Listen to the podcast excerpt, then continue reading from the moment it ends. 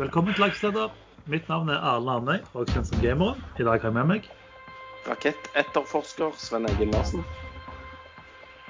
Og jalla jalla kursoppgangstreder Erlend Henriksen. Seriøs reider Lars Branningen. Så har du òg nå igjen, Erlend? Punktum. Velkommen, velkommen gutter. Jeg, eh, jeg gleder meg til vi skal lage sånn der en blooper-episode. og Vi skal ha tre timer med forsøk på introer. For eh, snakk om barnehagegjeng, altså. Det, det skal vi lete lenge til.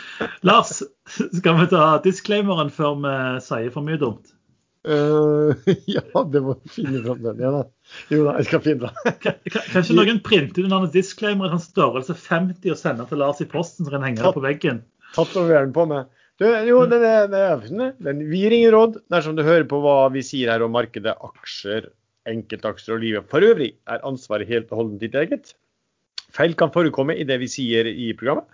Panelet og panelets gjester kan være lang, kort, direkte eller indirekte eksponert i aksjer, selskaper og produkter som omtales i programmet. Kan jeg bare få komme med et tips? Ja, jeg vet at vi ikke har lov til tipset. Men hva hvis vi bare tar og så klipper ut den som en lydfil, og så bare limer den inn i hver episode? Så slipper Lars å si den hver gang. Men, men halve moroa er jo om Lars klarer å huske den eller ikke. Å ja, OK. Jeg, pleier å spole forbi den, jeg, men OK. Ja. Det er jo ikke moro, det, er er klarer han jo aldri. Det er jo, Du, du, du vet, eh, i og med at eh, Hvis du tenker valgkampen i USA, demente presidentkandidater Jeg har sånn demenstester på alle paneldeltakerne over en viss alder. Så det, det kan være at den har to formål, denne disclaimeren. Jeg bare slenger det ut der.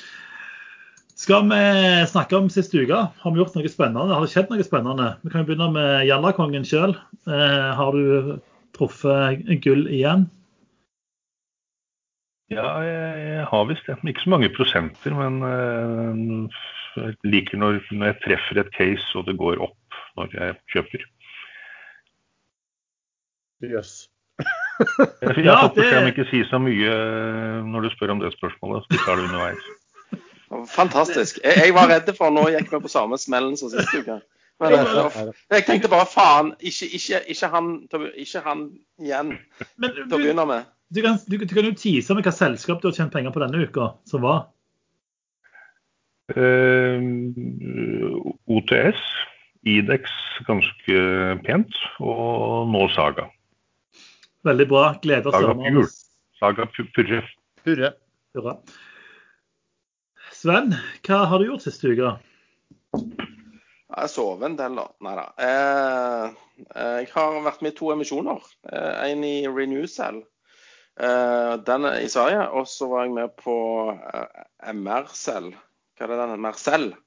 Ja, de heter, eh, begge heter noe med Cell. Det har jeg ikke tenkt på før nå.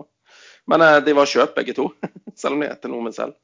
Eh, de var bra. Eh, og så har jeg vel treida litt forskjellige greier. Og så solgte jeg eh, masse, og så, men så har jeg kjøpt tilbake igjen. Det var en dag det gikk ned, og da ble jeg litt redd.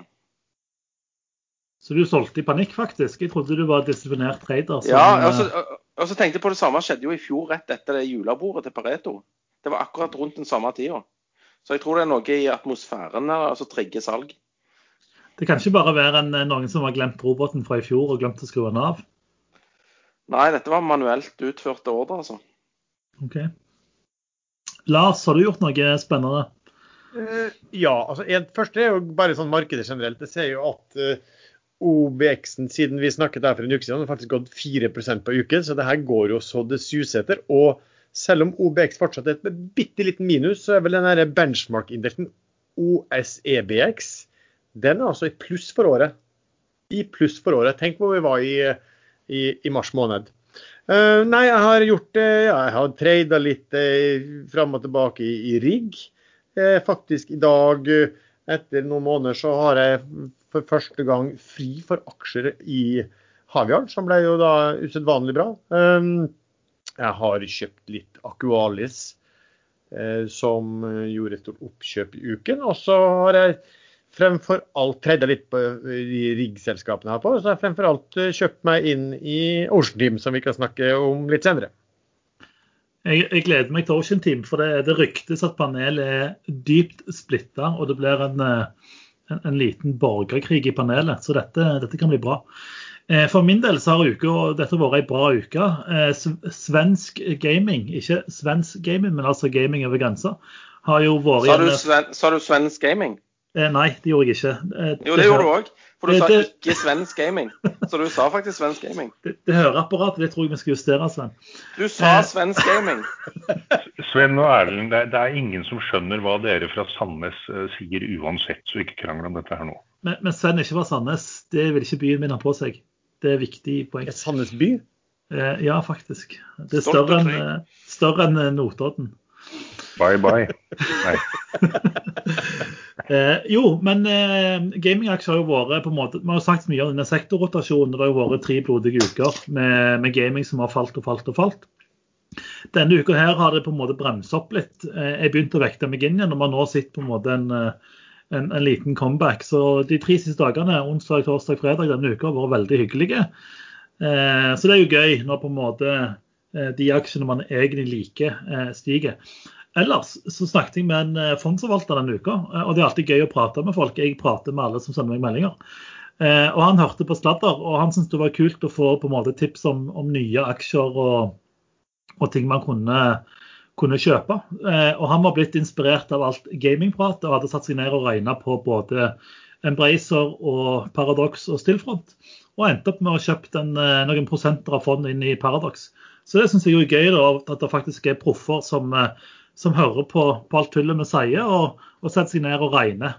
Og Det er det man bør gjøre når vi snakker med en aksje. Sett deg for guds skyld ned og regn på han ikke talt seg for god fisk, fordi det er ikke alt som er god fisk.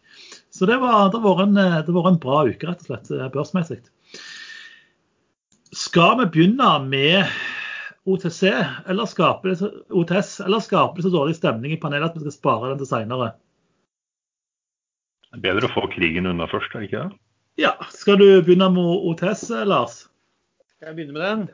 Ja, for den har vi fått spørsmål om å snakke om, så det passer veldig bra at uh, du og Erlend er committa til å, å, fortelle hvor bra den er, mens uh, andre er committa til å fortelle hvor dårlig den er.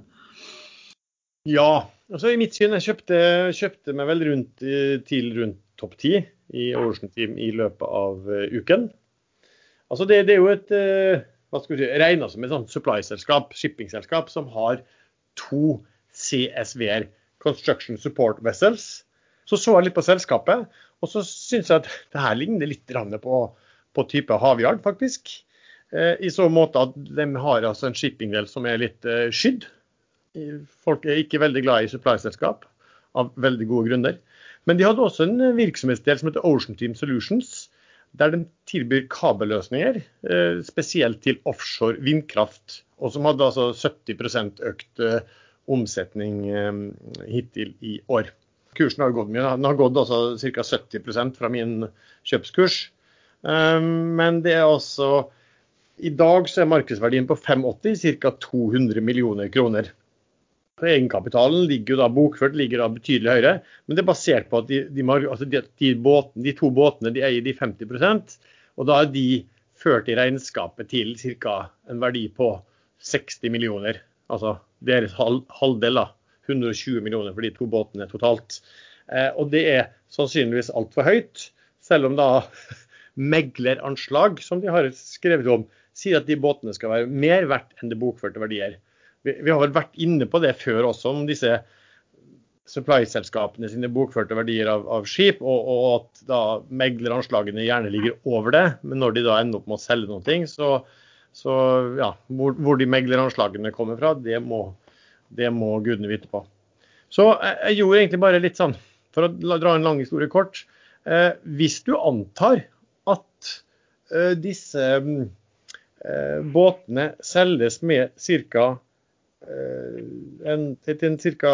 40 eh, av bokført verdi, altså 60% rabatt på det, så vil du ligge igjen med ca. en bokført verdi per aksje på 5,90. Og Da ligger du også igjen med ett område som vokser, som kommer til å vokse i årene framover, for offshore vind kommer til å øke.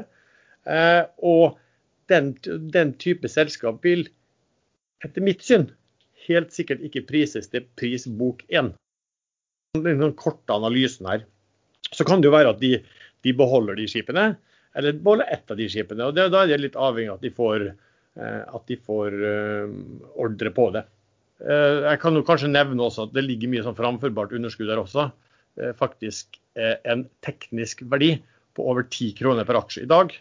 Og selger de de båtene med, med tapene på nivåer som Arnslo her, så vil altså det ligge nærmere 12 kroner per aksje i teknisk framførbart, altså, altså, teknisk skatteverdi. Og når jeg sier teknisk, så betyr det at eh, en sånn skatteverdi alltid ville være eh, veldig store eh, rabatter på det.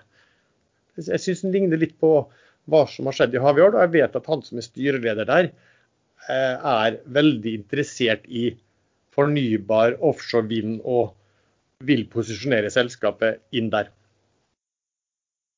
Bare en liten innblanding her. Nå kom det SPX-melding, oppdatering på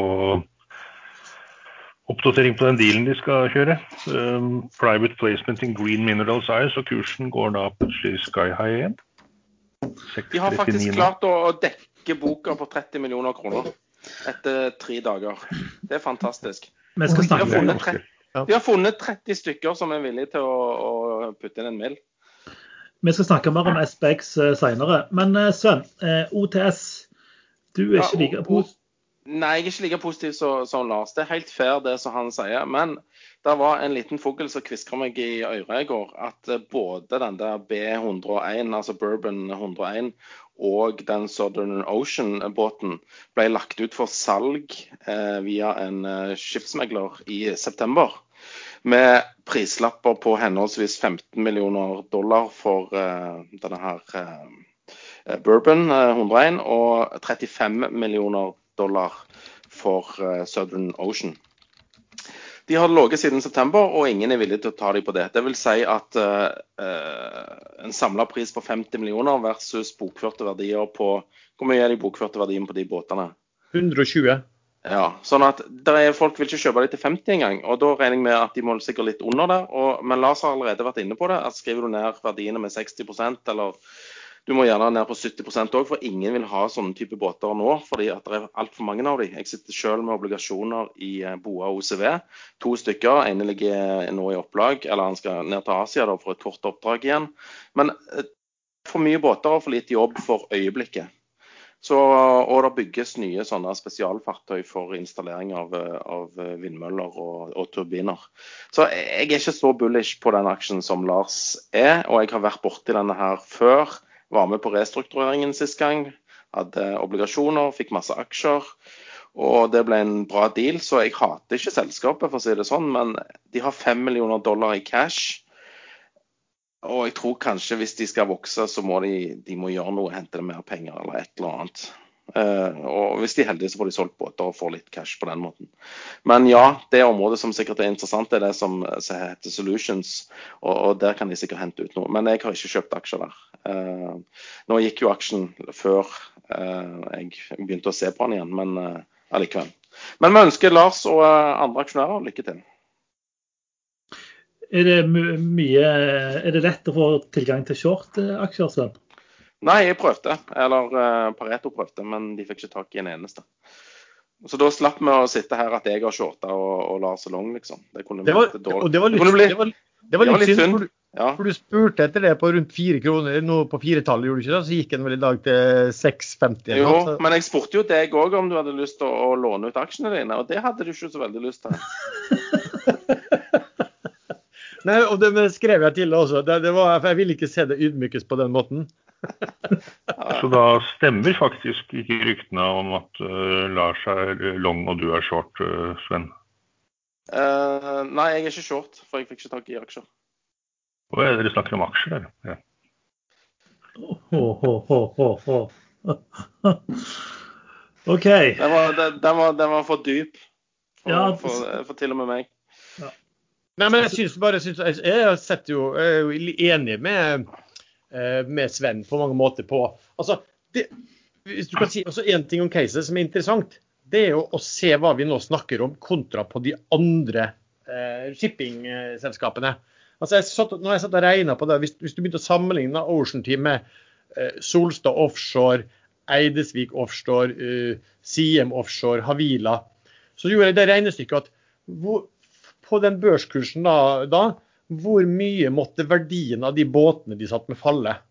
Og da var det jo faktisk sånn på, for Ocean Team, så kunne altså, børs, altså kunne altså bokført verdi falle en, en 70 eh, for at, og, og, og, da vil man likevel være liksom nede på, eh, på eh, nivået hvor, hvor, børskursen var i dag. Altså, da, da vil man kommet ned på en sånn eh, prisbok på én.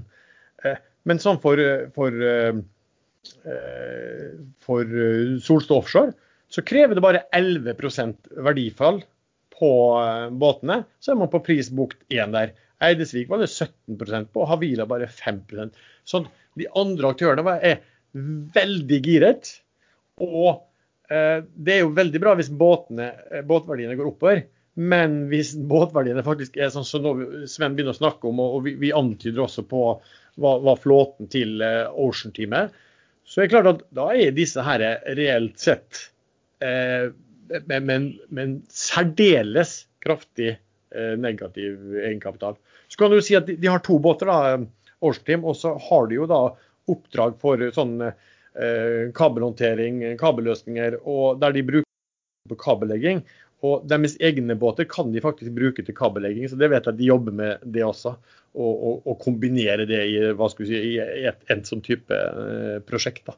Men jeg tror liksom at hvis de får solgt de båtene selv, på, eh, selv til, til sammen på eh, 40 millioner dollar, så tror jeg at da vil de stå igjen med et selskap som kommer til å bli oppfattet som en tjenesteleverandør til eh, offshorevind med eh, bra lønnsomhet. Eh, og da, så det tror jeg uansett, og, og, og med den skatteposisjonen sånn, så tror jeg den kommer til å bli da blir priset til fort godt over dagens betydelig over dagens nivå. Men jeg skal ikke si at jeg har noe sånn kursmål på det. Og som alltid, man kan være inn i dag, og ting kan være endret neste uke. Men jeg kan legge til litt om sånn, uh, hvordan en Jalla-trader tenker. Først går jeg inn på chartet. På, da bruker jeg TradingView og ser at den aksjen uh, kom på børs sånn rundt 2011. Og I den perioden mellom 2011 og rundt april 2017 så lå kursen og vippet mellom 60 og 180 kroner. Men la oss se helt bort fra de. Vi kan gå litt lenger fram i tid. Uh, så sent som september 2018 lå kursen og vippet mellom 20 og 40 kroner. Eh, og da begynner man som Jalla-trader å se litt sånn uh, hvor langt kan en sånn aksje faktisk pushes uh, når ting løsner, hvis ting løsner. Og dette var jo en ordentlig traderfavoritt i gamle dager. Så volumet er nå høyere enn det har vært Det er klart det er billigere, billigere kurs, men det er ganske ekstremvolum i den aksjen nå.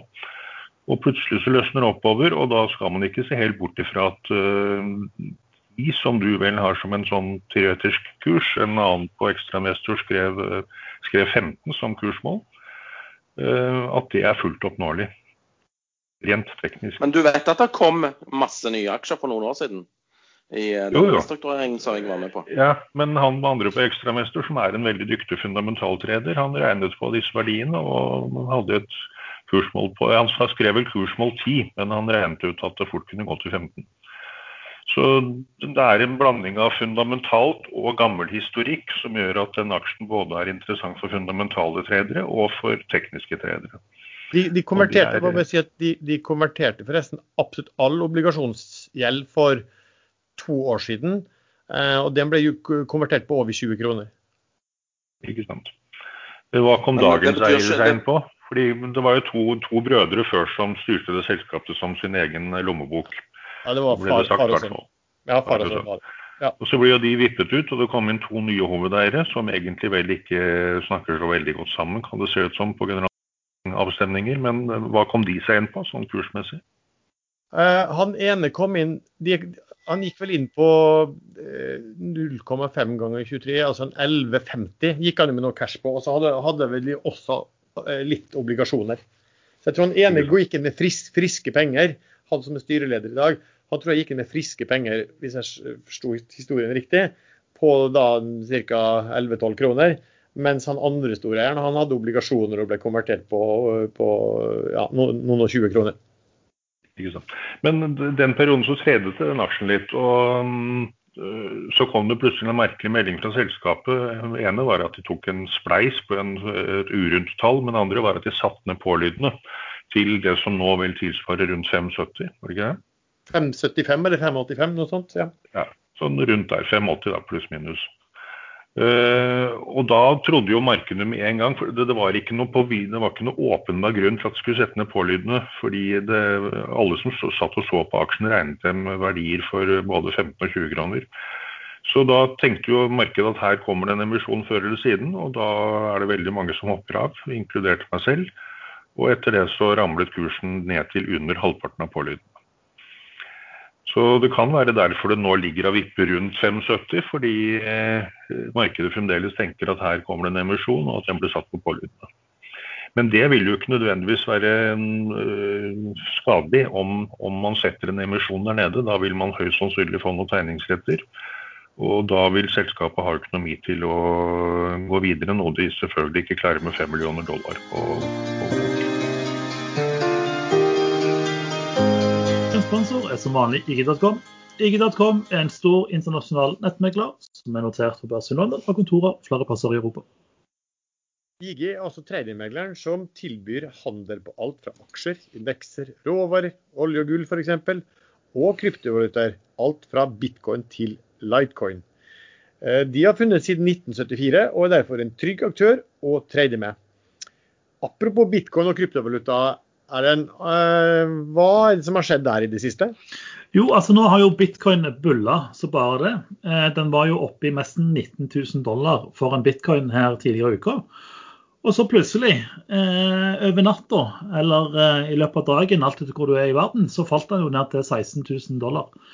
Eh, så det har vært en stor oppgang og, og, og stor nedgang. Eh, men det er jo litt det som kjennetegner bitcoin. Det går plutselig veldig mye opp og veldig mye ned.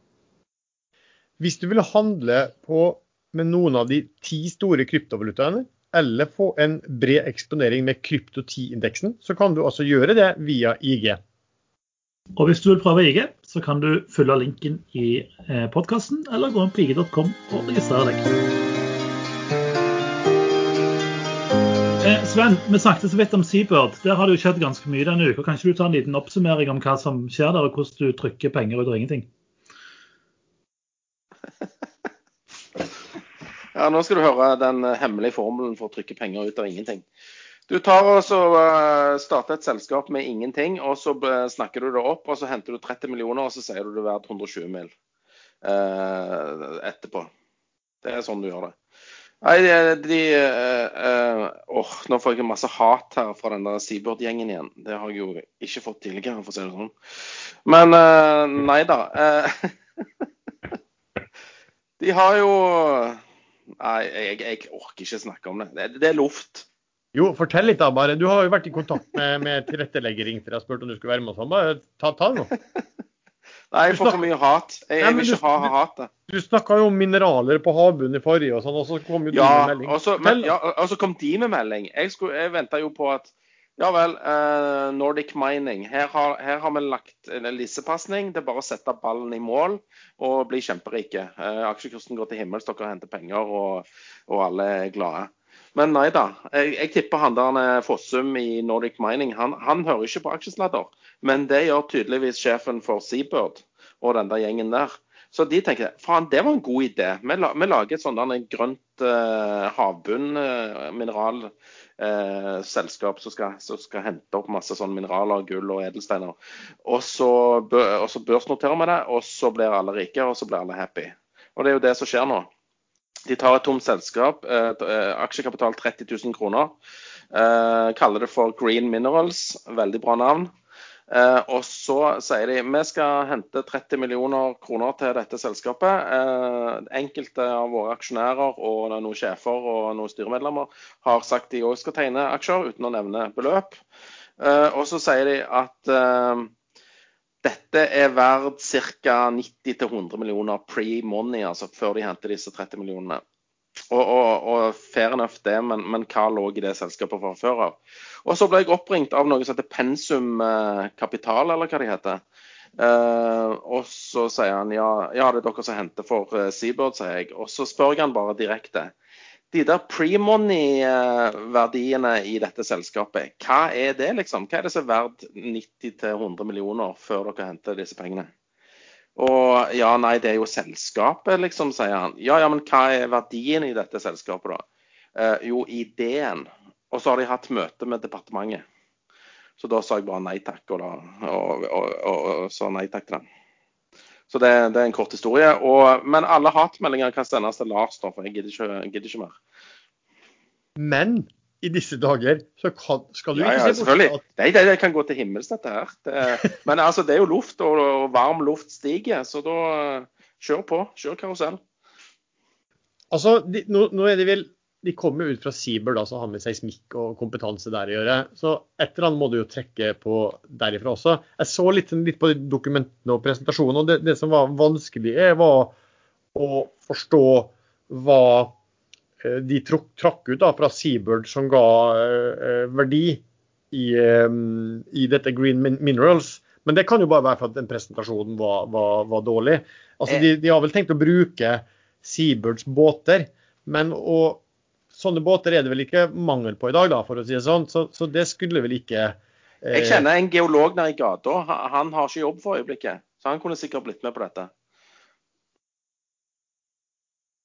Ja. Ja, men det, dette er jo superhot, og du, du, ser jo hvordan kursen går. Altså, Nå kom det jo melding for ti minutter siden, og ja, hva er kursen nå? Hvor mye er den opp? Den er opp 20 Altså, ja. de, Siden de meldte da Nå har jo, nå har jo i og for seg alt av, av um, oljeservice gått opp, da.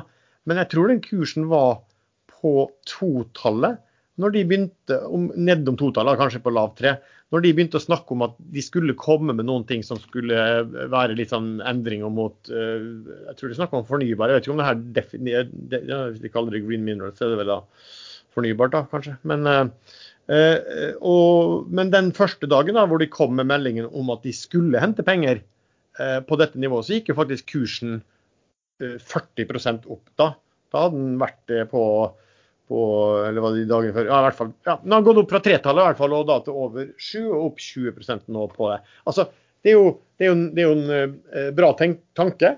Det er jo veldig godt gjort av Seabird å få eh, kapitalisert opp eh, eh, et selskap så måte, og at det de da kapitaliserte, altså utgjorde så stor del av eh, børsverdien allerede i, i Seabird. Eh, og så er jeg litt enig med, med Sven da, at det, OK, det, det, det var jo vanskelig. å Jeg så ikke noen presentasjoner det lå noen balanse på hva, hva, hva, dette selskapet hadde. Men i disse dager, så som noen har fortalt meg flere ganger, så er det ikke det, Du er en ja, forgangen rase hvis du sitter og ser på balanser og regnskap. Ja, men det, hele opplegget er jo LOL, for å bruke noe ungdommen forstår. Altså, Et sånt selskap som f.eks. Teco 2030, de hadde i hvert fall pakket det inn på en litt mer snedig måte. Her syns jeg det var veldig åpenlyst hva som skulle skje. Jo, men Sven, se på det, da. Nå, nå, har vi snakket mye om Norwegian, og vi skal ikke snakke for, for, for, mye om det i dag. Men det kommer jo 840 millioner aksjer på var det onsdag eller torsdag? Onsdag. Hva skjer med kursen dagen i forveien stiger 20 eller et eller annet sånt? Sant? Altså, Markedet er jo helt bananas for tida. Men Hva var som var bananas med det? det? det? var jo veldig logisk. Si du sitter der med et leasingselskap, og det kommer masse aksjer som du vil selge. Så vil du ja. presse kursen høyest mulig for å få lov å begynne å selge på et høyere nivå. Jo, det er jo helt logisk. Det er jo folk som kjøper fordi de tror de, Jeg vet ikke hva de tror. Jeg har gitt opp å skjønne markedet, faktisk. Det er en kombinasjon. Det er eh, de som skal ut med masse. De, alle disse hadde jo aksjer fra før, de hadde ikke solgt alt ennå. Så de bare slutter å selge. Og da tror eh, stakkars håpefulle at oi, nå er det ikke noe selvt lenger, da skal kursen opp. Det er jo bare midlertidig. Men, men akkurat Norwegian, der eh, selgerne uteblir jo. Kursen ligger jo vaker rundt over 40 øre. Eh, det kan være posisjonering før generalforsamling at noen vil sikre seg nok stemmer. Det har man sett før. Men jeg tør ikke Norwegian selv. Den er jo ikke verdt noen ting. Dagens egenkapital skal jo nulles. Ja, jeg syns det er galskap. Vi har eh, Det har jo vært litt eh, IPO-er denne uka òg, som alltid. Eh, noen av dere som tegner dere i Nordnett-IPO-en, som var? Ingen.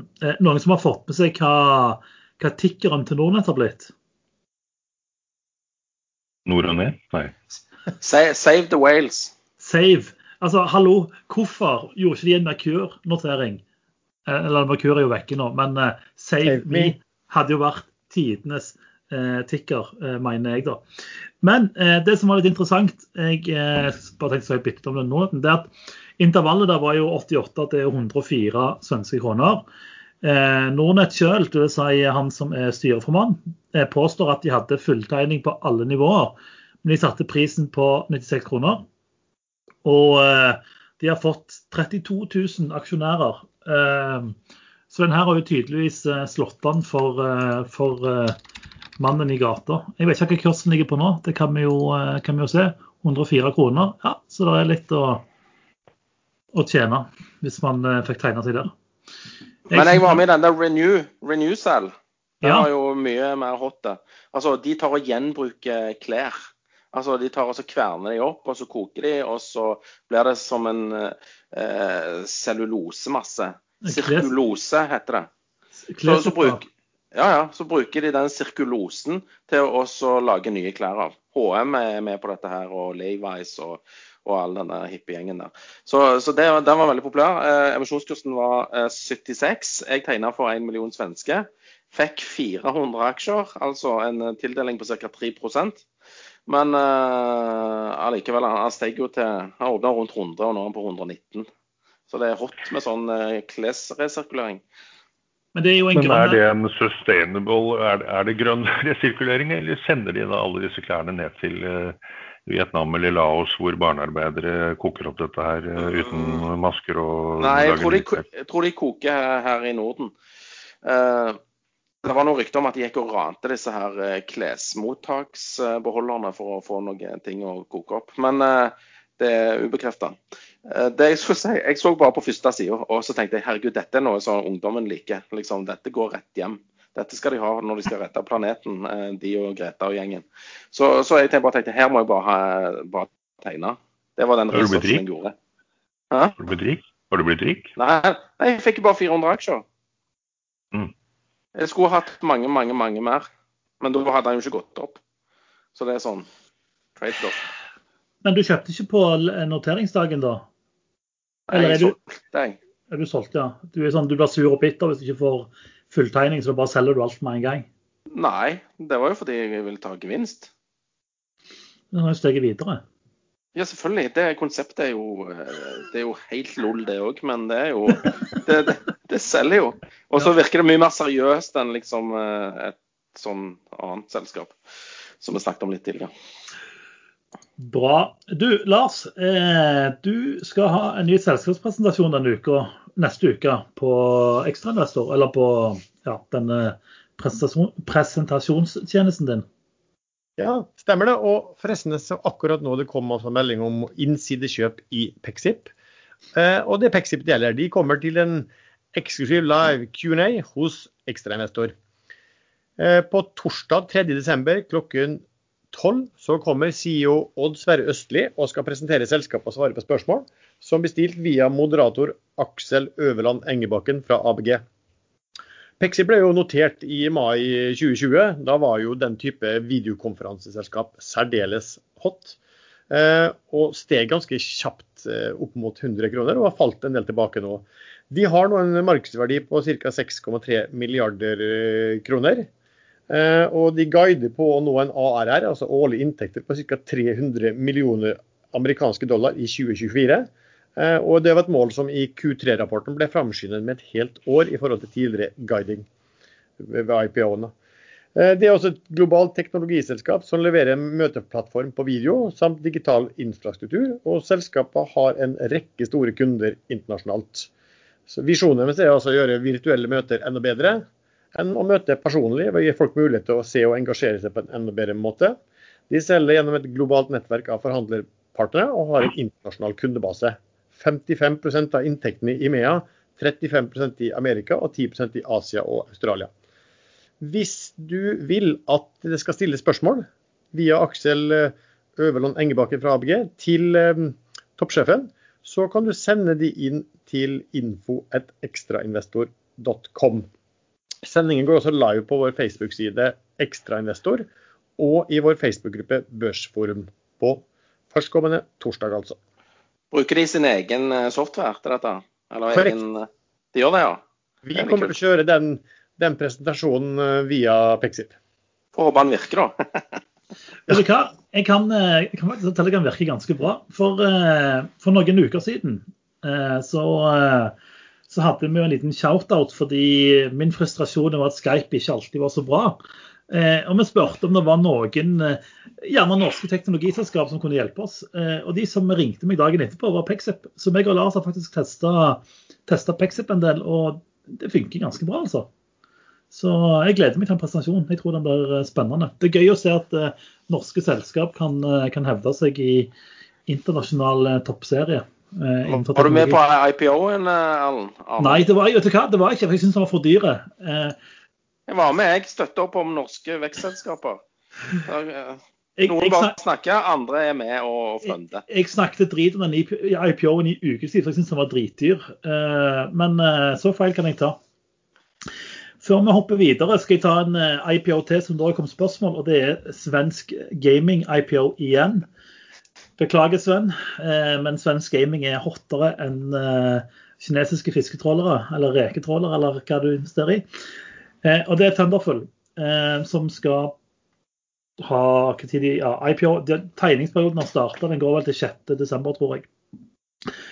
Thunderfull er et svensk gamingselskap. Består av to divisjoner. Thunderfull Distribution og Thunderfull Games. Som igjen består av Thunderfull Development, som lager spill, og Thunderfull Publishing. Jeg har tegna meg fordi det er to ting i selskapet jeg liker. Det ene er at de eier ganske mye IP-er, eh, eller intellektuelle eh, properties, så dette på fint. Og Thunderfull Distribution består av et sels eller flere selskaper, men det ene er Bergsala, som noen har hørt om, andre har ikke hørt om det. Men det er basically det selskapet som har monopol på Nintendo-produkter i Norden og har hatt det siden 80-tallet. Så det gir en ganske god base på inntekt og inntjening i, i selskapet. Eh, dessverre så jeg tegnet meg eller ikke dessverre, jeg har tegnet meg via Nordnett, som da er en retail-tegning. Og det jeg lærte i dag, er at der kan du ikke overtegne, fordi du må ha dekning på kontoen for hele tegningen før du vet hva du blir tilbudt, eller hva du får. Hva du får. Så det var litt eh, kjedelig, men jeg har iallfall uh, tegnet meg der. Eh, så den, den går nå. Du snakket òg om å tegne deg der, Sven, hørte jeg. Ja, for den er via ABG, da, for de som har litt mer penger. Eller Carnegie, de- hvis du har enda mer penger, faktisk. Ja, ja. Det, jeg er ikke kunde der. Jeg har ikke kommet så langt eh, at jeg er kunde hos Carnegie. Men jeg har akkurat kara meg til å bli kunde hos eh, ABG, da. Men uh, uansett, det, du kan tegne via de. Eh, men da tror jeg du uh, Eller er det noe minstetegning her, eller? Ja, Nord, Nordnett har jo sånn retail-tegning, så der er jo minstetegning 200 aksjer av 50 kroner, og maksimum er jo 19 000. Så det 199. Nei, 19 000 faktisk. 950 okay. 000 sekk. Eh, så jeg vet ikke om ABG har eh, retail-tegning, eller om de har sånn eh, Mi- Mifid profesjonell tegning. Nei, jeg tror nok de har euro 100 000 år. Ja. Så da kan du overtegne. Så jeg har da overført masse penger til Nordnett i dag for å gjøre en overtegning. Som jeg da må ha dekning for. Så det blir, Men tror du, tror du den blir bra? For jeg liker sånne IPO-er jeg kan bare selge i åpningsmatchen. Eh, vet du hva? Jeg fikk eh, han, eh, han eh, fondsforvalteren som jeg snakket om, meg og han diskuterte Thunderfull, for jeg spurte om han kunne se på tallene for meg. Ja. Eh, og Han sendte meg en melding i morges eh, som da kom fra folka som har han, og den sier The book is covered on the full deal size after the first day of bookbuilding. As this is a fixed price offering, expect no further messaging. Så den boka skal jo gå fra 26. til å, Vent litt. Eh, 3. desember, tror jeg det. Eller 4. desember. Men boka er allerede fulltegna. Så eh, den er nokså hot. Ja, må gjerne tegne, må gjerne tegne den, da. Ja. Du kan jo tegne deg for en million svenske kroner, og så får du tildeling på ti aksjer. og så får jeg tildeling. fi- 400 aksjer for dobbelt så mye som deg, da. Ja, kanskje. Jeg har tegna meg for 6000 aksjer, så det, jeg får sikkert 60 av dem. Så det gleder jeg meg veldig mye til. Det er jo mange som hører på sladder, eh, Lars. Eh, og vi har jo snakket mye om eh, Havyard. Eh, og nå kan det jo se ut som de har, de har notert seg hva vi sier og mener de bør gjøre. Ja, de kom jo med Q3-tall eh, i går. Og så kom de da samtidig med at de har da en intensjon å snakke med bankene og långiveren også, som, for det var jo default på lån, om at de skal ta alle andre delene enn verftet og spinne det av til et uh, nytt uh, selskap som de tenker å notere på Merkur, eller det som da heter Hva heter det nå? Det heter Ne- Euronext Growth Market. ja, et, et eller annet. Et, ja. Det er jo franske, det. sa. Er Euro. Euronext Growth Market. Ja, så det, så det er planen. og For de som husker når vi, første gang vi snakket om det, så var det akkurat det vi sa eh, om det selskapet der. At eh, selskapet led av at de, alle anså de som et grått, trist verft som tapte grassat med penger, mens det var andre spennende deler. Og eh, vi snakket vel om det, det, Sven, at det var akkurat dette de eh, burde sette i gang og få markedsført og gjøre. Og det, ja, og det gjorde de jo nå. Eh, Har du sendt fakturaen eh, nå, eller venter du litt ennå? Nei, jeg tenkte vi tar den av, eh, av prosentandel av hva det nye selskapet blir verdt før vi sender det. Er ikke det fair? Jo. Det betyr det at vi får julegratial i år? Eh, Var, var du med på denne dealen, eller snakket du bare? Meg du snakker om nå? Nei, jeg, jeg er backtrader bare. Ja, og- og du vil bare hive deg på noe du ikke har vært med på? Ja, Det er helt korrekt. Erlend er sånn, Erlend er sånn som når eh, i USA, når bussen krasjer, han, så løper han inn på bussen og, hiver, og kaster seg ned på gulvet og later som det er skada. Stemmer det. han også. Er, er du klar for hvor godt betalt det er? Jeg har hørt rykter om det, ja. Bortsett fra når du blir tatt. Da, Ja, det- da ryker du inn. Ja. Men vi i hvert fall, de har gjort, eh, føler at de har gjort eh, det er kanskje litt, eh, ja, litt klyst å si at de har gjort alt riktig, for de har jo gjort det vi sa hvis de skulle gjøre. det. Det, altså, fa, Vi har ikke fasit ennå. Det kan jo være Nei, at den grønne bølgen slutter nå på fre, neste fredag eller noe. det, ja, da, det- da, ja, det, er jo- er helt. Ja, ja, det, det er jo helt riktig. Men så, men så langt i hvert fall så er det. Og, Det ser veldig bra ut. Det, det, det ser veldig bra ut. Det ser så bra ut at da, i dag så, så solgte jeg mine siste aksjer. og det, det er litt, Men det har litt med meg å gjøre. At, jeg- jeg så på den når den var veldig distressed. Og så har den da faktisk gått fra at jeg kjøpte meg inn på jeg tror jeg så 2,04, og kursen er nå på 11. Så da, da et det må du jo si nok, for å si det sånn. Det er nå du skal til standardkursmål til Sven. Uansett hva kursen er, så skal den til 32. Her er han som Ja. standardkursmål. Ja. Kun hvis, kun hvis aksjen ligger under 32.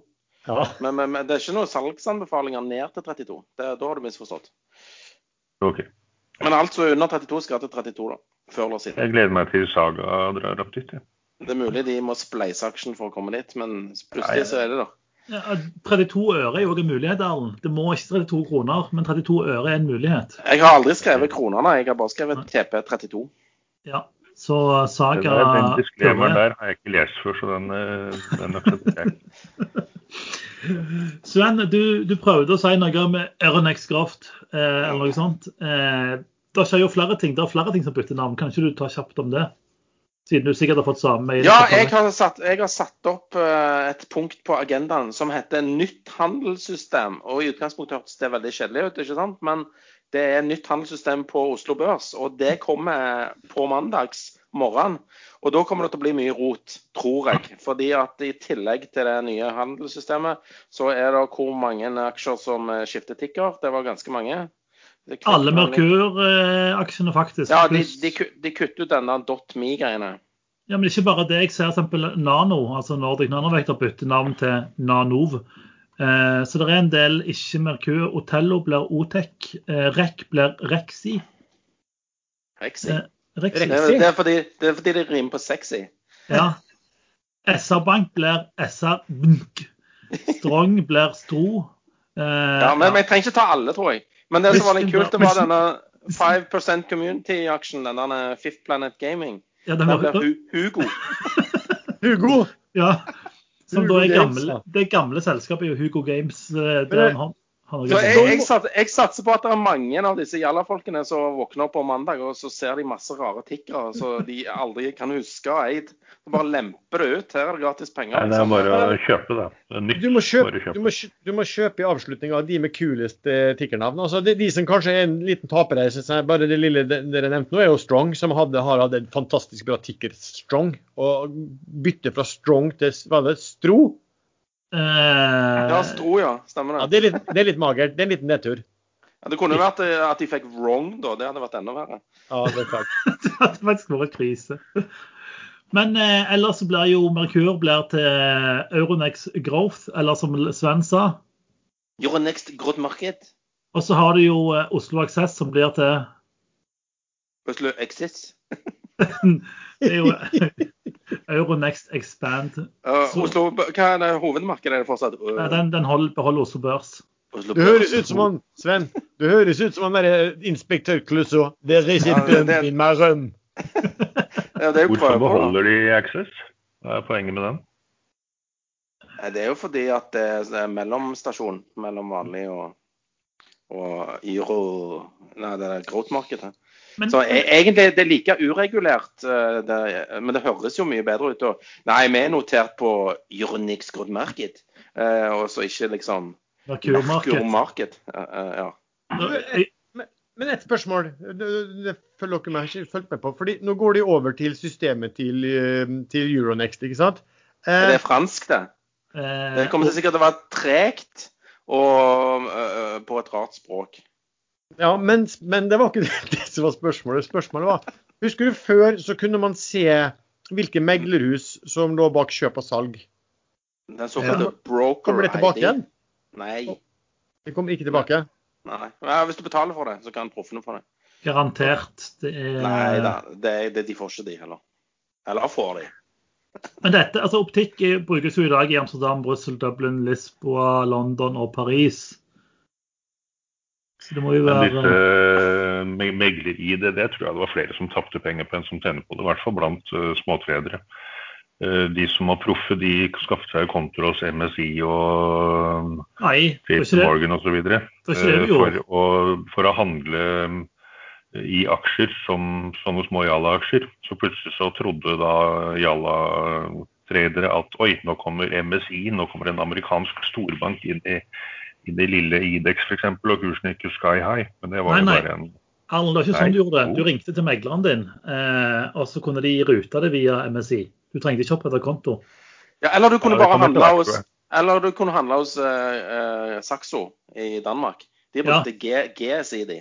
Det var Jo, jo men- enda bedre.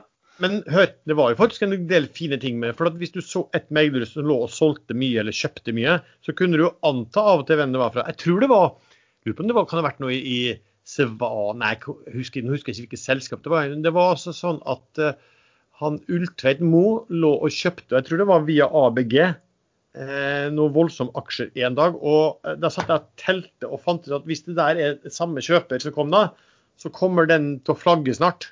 Eh, og da husker jeg gikk inn og bare kjøpte som bare juling på det. Og da gikk det faktisk ikke så lang tid, og så kom det at det hadde vært en kjøper som måtte flagge av kjøp. Så det var en del ting du kunne Du, du kunne faktisk se aktører tilbake i tid, hvilket, hvilken meglere megler de hadde brukt. Eh, og, og på så måte ganske, det lese ganske bra når folk ble tomme. Alt var mye bedre før. Nå er det litt seint å si at uh, hvis du har noen poster du vil bli kvitt fort, og sånn, så er det sikkert lurt å gjøre det i dag, for du vet ikke hvordan dette systemet der virker på mandag. Men uh, denne her kommer jo ikke ut før i helga, så lykke til, da. Uh, og God save us all. Ja. Kan òg nevnes at eh, alle ordrer som ligger etter, eller som ligger etter stengetid i dag, de slettes. Så hvis du har sånne lange stopplosser eller sånne lange fiskeordrer eller noe sånt, så alt forsvinner og må legges på nytt på mandag. Så det er greit. På fransk. På fransk, ja. Så hvis du, det er bare å kjøpe fransk ordbok. Sven har åpna bokbutikk, faktisk. Eh, så da kan du få Svens, eh, Svens ordbok. Jeg husker jeg leste sånne, sånne krigstegneserier da jeg var liten. Der sto det alltid 'Sacre bleu'. Hva, hva trodde du betydningen av det var? Eh, faen. Eller enda, enda sterkere. Ja, OK. Eh, siden vi snakker om bøker, eh, et av spørsmålene vi har fått, er er er det noen tradingbøker som panelet anbefaler. Kan vi begynne med Sven? Jeg, jeg ser aldri for meg at du leser en bok, Sven, men det kan jo være at vi er heldige her. Og, og folk lurer på hvorfor jeg er frekk med deg. Jeg beklager. Jeg vet, hva, jeg, jeg, jeg vet hva, jeg er sikkert den som leser mest bøker av alle her. Fordi jeg sitter og stirrer på ordrebøker hele fuckings dagen. Så, eh, men ja, jeg har lest masse bøker før.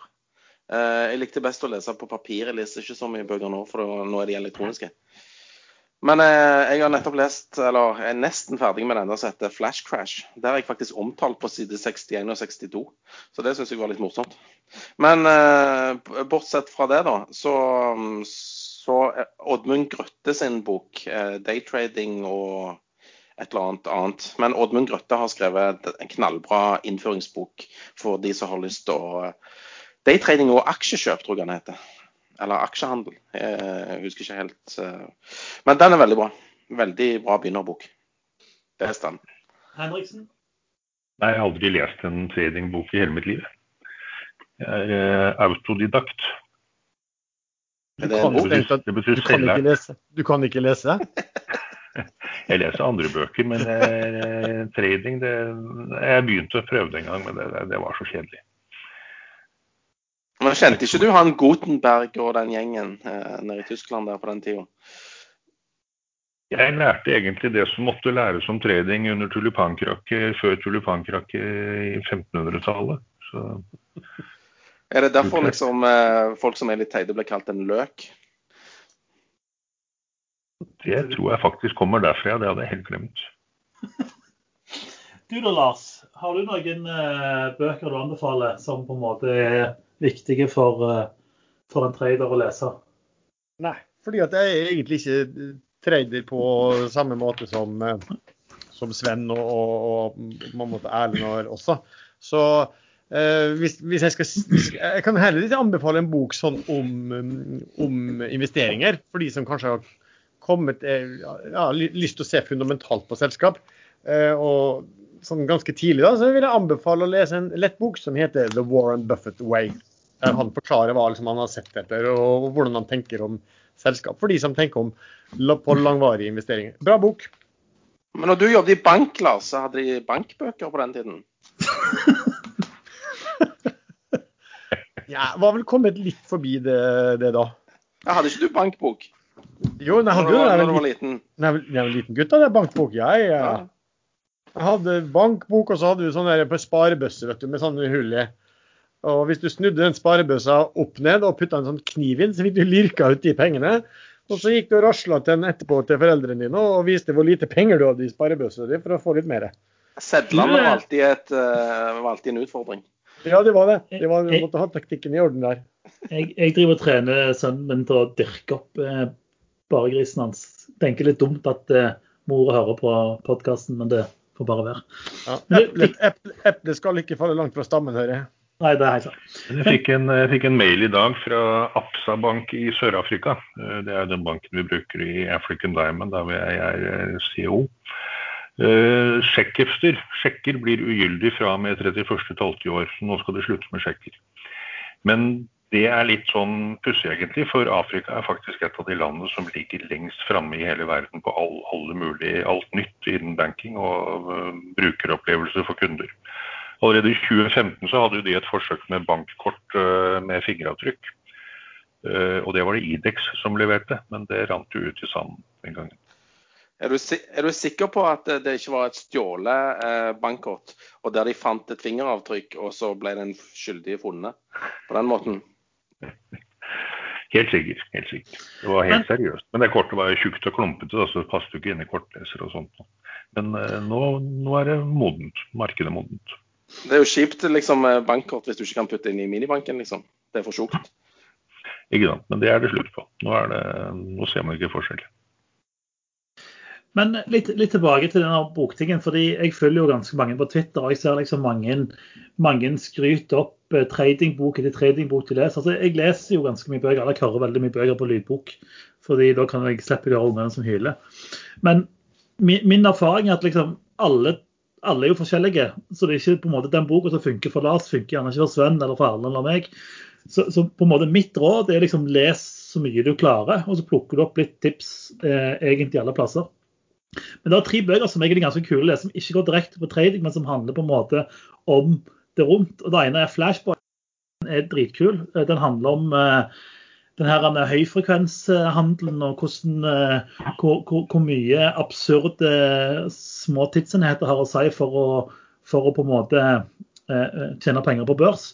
Eh, Den er òg veldig grei hvis du liksom tenker at oh, gratis kortasje det er kjempekult, for det er billig. les Flashboy, så skjønner du hvordan de som trader raskere enn deg, tjener penger på at du har gratis kortasje. Det var, der, det var Sven sa. Det var, var, den, var ikke den boka du nevnte, Sven?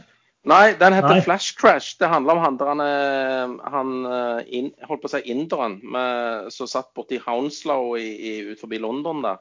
Og, og, og trada disse minifuturene i USA. Ah. Så, så lagde dette Flash Crashet. Og uh, det var ganske alvorlig opplegg. Ble han bura inne, eller slapp han unna etter hvert? Nei, han ble bura inne. Eh, men Flashbox handler kun om på en måte høyfrekvenshandel og hvordan eh, det å bygge en eh, kabel som bruker 13 millisekunder mindre tid mellom Chicago og New York kan lønne seg. Ja, og sånne mikrobølgetårn.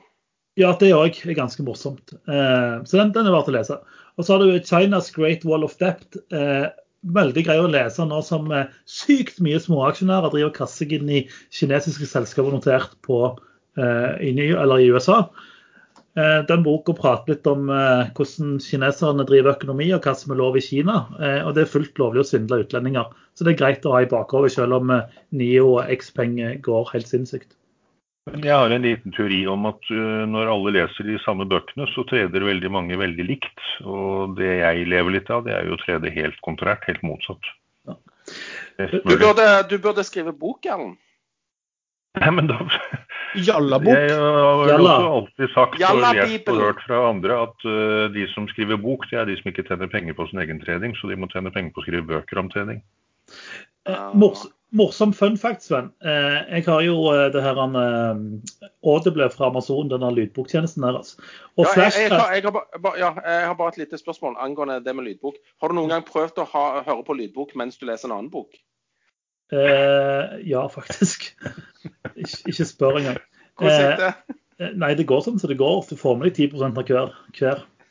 Eh, men det jeg skulle si var at Flash Crash ligger faktisk i liste over bøker som jeg har kjøpt, men ikke hørt ennå. Så jeg skal Ja, jeg anbefaler side 61 og 62, tror jeg det var. Hvis ikke Jeg, 81 og jeg skal notere meg hvis jeg eh, leser Men har du, har du prøvd å kombinere det med en hyrdestund? å høre på, eh, høre på lydbok. Er det noe Ja, du liksom le- lese bok, høre på lydbok samtidig som, eh, som du er amorøs med din kone. Siterer du Bibelen i jakten da, Erlend?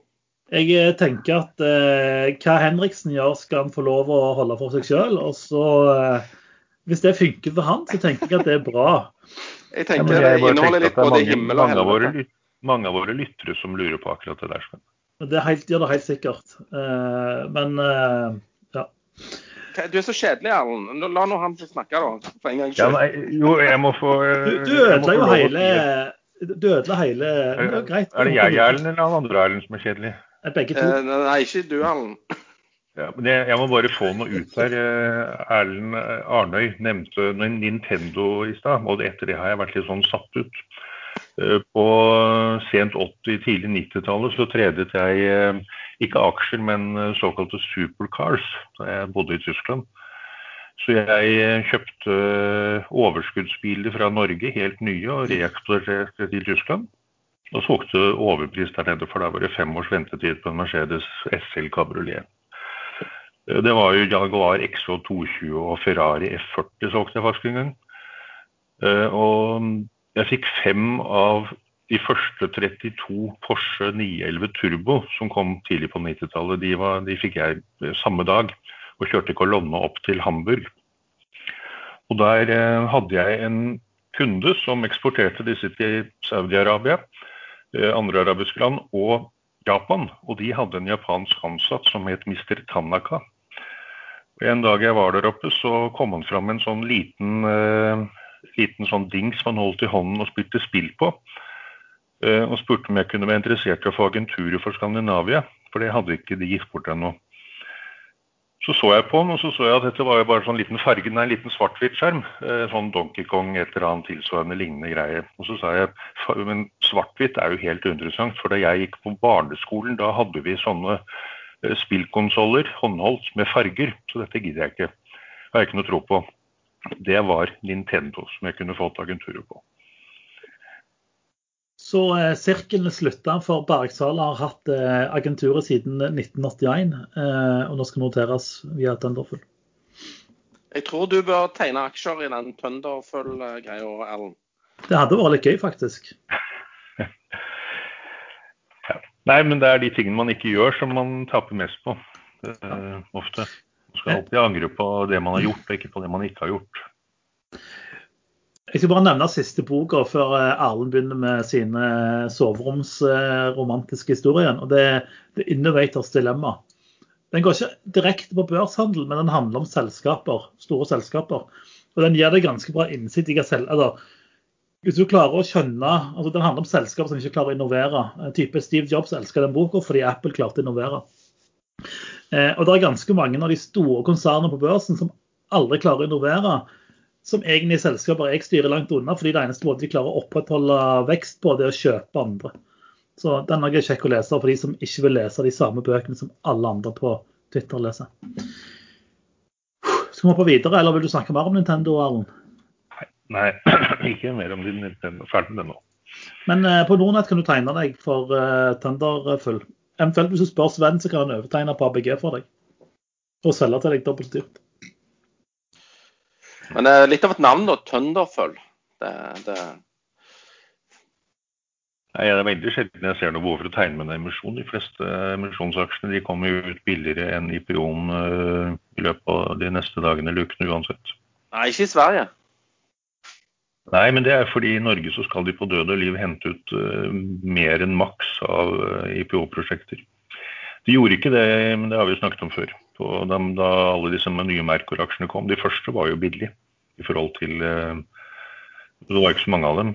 Så Det er ikke sikkert de var så billige, men det var ikke så mange av dem, så de gikk jo sky high alle sammen. Og plutselig så skulle da tilretteleggerne og eierne hente ut mest mulig og selge seg ned samtidig som de hentet inn penger. Og det gikk jo ikke bra. Pussig nok det litt morsomt du sier det, fordi Et av argumentene til Nordnett på, når de satte kursen på 96, var at uh, de ønska de som tegnet seg, skulle ha på en måte ei oppeside. Uh, selv om de påstod at det var fulltegna på, på alle, alle, intervaller. Så det, det, er jo noe i det, da. At uh, det å gi vekk litt av oppesida kan ha en fordel. Oppesida? Oppesida, ja. Det er ikke oppsiden, altså? Nei, oppsiden, oppesiden. Tjener penger. Eh, vi har eh, fått inn eh, flere spørsmål, faktisk. og Det ene er forskjellen på A- og B-aksjer. Skal vi vekke han, han bankmannen vår? Er han våken? Ja, ja. Forskjellen på A- og B-aksjer? Jo, det er, forskjellen bruker da å være stemmerett. Altså at A-aksjer har, gir flere stemmer enn B-aksjer. Sånn à la at du for hver aksje A-aksje du eier, så kan du i generalforsamlingen stemme for én, mens kanskje B-aksjen da har en tiendedel av den samme stemmeretten. Eh, og Det gjør da også at de, at de aksjene blir litt ulik priset, eh, fordi at det er mer verdt å ha noe som gir større stemmerettstyngde, rett og slett. Pleier det å være mer action i B eller A-action? Det, det, kommer jo litt an på hvor mange som finnes A, og hvor mange som finnes av B. da, så, så, det blir jo liksom litt eh, Likviditeten blir vel da og, og, og, hvem som sitter i ulike. Det er klart at Hvis, hvis du har liksom en, en, eierfamilie som dominerer A-aksjer, eh, og er det ikke så mye annet, så, så blir jo likviditeten eh, veldig begrensa der, da, kontra i, eh, i B-aksjene f.eks. Det, sånn det, det er jo typisk derfor du har A- og B-aksjer. for at du, du vil at eh, altså Noen vil ha med bedre stemmerett på sine aksjer enn andre, som gjerne er satt opp fra en start, og som gjerne da ofte er en type sånn eierfamilier. Altså, Norge, I Oslo har du vel altså lurer på om finnes det, Wilhelms, Du har jo Wilhelmsen A og B, f.eks. Hva har du mer AB? Det, mange av de har forsvunnet. Skipsted A og B. Men det, det som er jo hele clouet, det er jo at i gamle dager så kun, i gamle dager så kunne jo ikke uh, utlendinger eie A-aksjene. De måtte eie B-aksjene.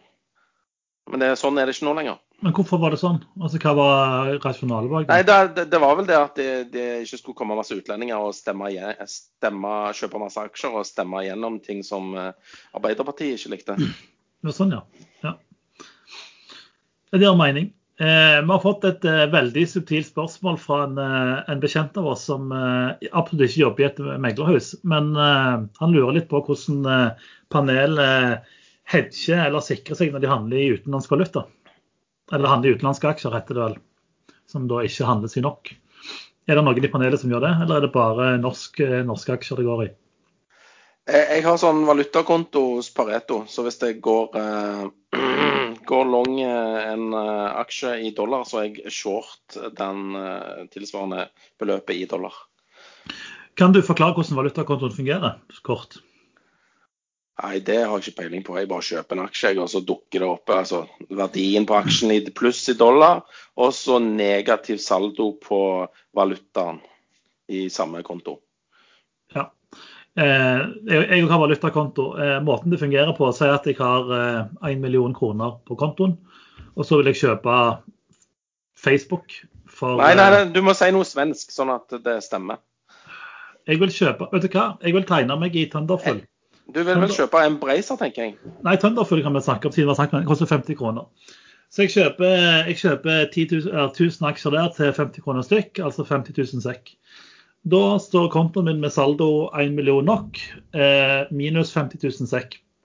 Så låner jeg basically de svenske pengene av Pareto. Eh, så lenge jeg har den posisjonen. Eh, og når den posisjonen er ferdig, så betaler jeg renter for det lånet jeg har hatt. Og så beholder jeg gevinsten, eh, og da står det renten eh, ja, noen svenske penger igjen etterpå. Så kan du òg kjøpe og selge valuta. Så f.eks. på kontoen min nå så har jeg eh, ja, jeg har kjøpt masse amerikanske aksjer, så jeg har minus eh, 18 000 dollar. Eh, Og hvis jeg planlegger å holde de aksjene lenge, så kan jeg ringe Pareto og sende en mail og si hei, jeg vil kjøpe dollar. Eh, og Du kan ha mange typer valuta på disse valutakontoene, så det er en ganske grei måte å hedge seg på. Eh, generelt tips hvis man handler utenlandske aksjer, det er at noen meglerhus de har ekstremt høy spredd på valutaen sin. Så selv om kortasjen er lav, så blir du lurt når du handler valuta. Eh, vi har også fått et spørsmål som går litt på det samme. og det er jo Noen eh, selskaper er jo notert på flere børser. Eh, du nevnte Frontline, Equinor, en del andre. Altså Hvordan regner man market cap når selskaper er notert på to børser? Kan man på en måte spekulere i å tjene penger på prisforskjellen mellom eh, to børser på samme aksjen? Det heter arbitrasje. Ja. Det høres ut som du kan svare på spørsmålet, Svein. Eh, svaret er ja. Du kan bedrive det som vi kaller for arbitrasje. For de som lurer på hva arbitrasje er for noe, så hvis de ikke vet det, så foreslår jeg at de googler det. Det er akkurat det du beskriver, at du handler på differansen i pris mellom to eller flere markedsplasser. Jeg, eh, jeg gjorde faktisk det i Satsaksjen for noen eh, uker siden. Eh, eller tida går så fort. Fordi den, den er jo notert i Sverige og Danmark. Og så var det en danske som Og, og Norge. en, Ja, den òg, faktisk. Det var en danske, jeg lurer på du som faktisk, enten var det deg eller så var det Alv som tipsa meg, som hadde ligget pump... Nei, Guro var det som tipsa. Som lå og pumpet ut aksjer, så den danske kursen var vesentlig lavere enn den svenske og norske. Så jeg hoppet inn midt i den dumpen og fikk aksjer som da ti minutter senere var ca. prislikt som, eh, som den svenske. Eh, så det er mulig, men da må man følge med. og det, Jeg har inntrykk av at det skjer ikke så veldig ofte. Hvor mange kroner og hvilke Man må først forsikre seg om at de har samme ISIN-nummer. Det er samme aksje man trener. Ja. Hva sa du, Sven? Hvor mange kroner og hvilken type kroner tjente du? Jeg tjente danske penger, eh, og det var nok til etter, etter alle utgifter var betalt, så var det nok til noen brett med cola. På tilbud eller full pris? Eh, nei, i Danmark, altså siden det er danske penger. Ja, sånn, ja. Men det var ikke mer enn, eh, det var ikke mye penger. Jeg, jeg hadde ikke troen på det regnestykket. Han som tipsa meg, tjente mye mer, for han kjøpte jo en million aksjer, tror jeg. Jeg kjøpte jo bare noen titalls tusen. Hva, Lars? Eh, Du, eh, du gikk jo glipp av eh, det kjekkeste å snakke om når folk har gått glipp av penger eh, framfor når de har tapt penger, for å bli så grinete. Men du gikk jo glipp av penger i Aker Biomarin fordi IR ikke ville svare deg. Eller jo, på en måte svarte de meg. Jeg hadde sett bare på Aker Biomarin, så så jeg at det hadde vært veldig mye og store innsidekjøp i en kortere periode, og kom ganske mange på samme dag. Og så er jeg litt sånn mistroisk på, på altså sånn, Når det kommer mange innsidekjøp samme dag, så virker det enten sånn nesten litt, av og til litt kommandert, eller så er det ting som gjør at de trenger å kjøpe noe på en måte eh, samtidig. Og da, så det jeg sendte mail til han IR-sjefen der, var, var, eller hans IR-ansvaret, var om, eh, om det var eh, ting med bonuser eller rabatter eller andre ting som ble tilbudt ansatte, som gjorde at de kjøpte. Eh, fordi Det er litt viktig å vite om innsidekjøp er om, om de er på en måte på, på lik linje med deg som investor, eller om de har noen insentiver som gjør at de drar nytte av å kjøpe noe. Og så svarte han Han skrev rett og slett Hei, vi kommenterer ikke på dette. Ha en fin dag. Og tenkte jeg ja ja, drit i det. Da, da, det, det svaret oppfatta jeg jo som at hvis det ikke var det, så hadde han fortalt det. Så, så, da er det et eller annet der. Så da tenkte jeg ja ja, da dropper jeg det. Og da, dagen etterpå så kom det jo en nyhet om at jeg hadde gjort en sånn eh, gjennombrudd og fått et nytt forretningsområde og alt der, og kursen gikk opp eh, 15 eh, Så at, at det kosta meg en ganske mange titalls tusen og vel så det. Og ikke kjøpe den når jeg hadde tenkt å gjøre det, det er så. Men less life. altså Er man med i markedet, så har man av og til litt eh, flaks, og så har man av og til litt uflaks. Sånn er det bare. Men stinker ikke dette her litt, lukter ikke dette her litt råten fisk? Fordi at eh, her annonserer selskapet største nyheten siden 2006 i selskapets eh, egen historie. Og så to eller tre dager før så kjøper de massivt med aksjer i innsidekjøp. Eh, jo, altså de hadde jo kjøpt en kort periode før. ikke sant? Og Det var det som gjorde at jeg ble litt interessert i, eh, i det der også. At det var jo da voldsomt som de troen de hadde på det. Men, men, de visste ingenting om det, at de holdt på med dette her, kanskje? Jo, selvfølgelig visste de at de holdt på. Det, det er godt mulig at de ikke hadde Jeg vet ikke om det var noe sånn godkjennelse eller om det var noe timing av når dette her ble meldt. Eh, det var det vel sikkert også, at det kanskje var noen resultater eller rapporter de, de ventet på også. Men, men altså Redesalg sånn sett er jo Ja, altså, jeg så jo at avisen hadde slått det der opp. Jeg tror han som var styreleder hadde kjøpt for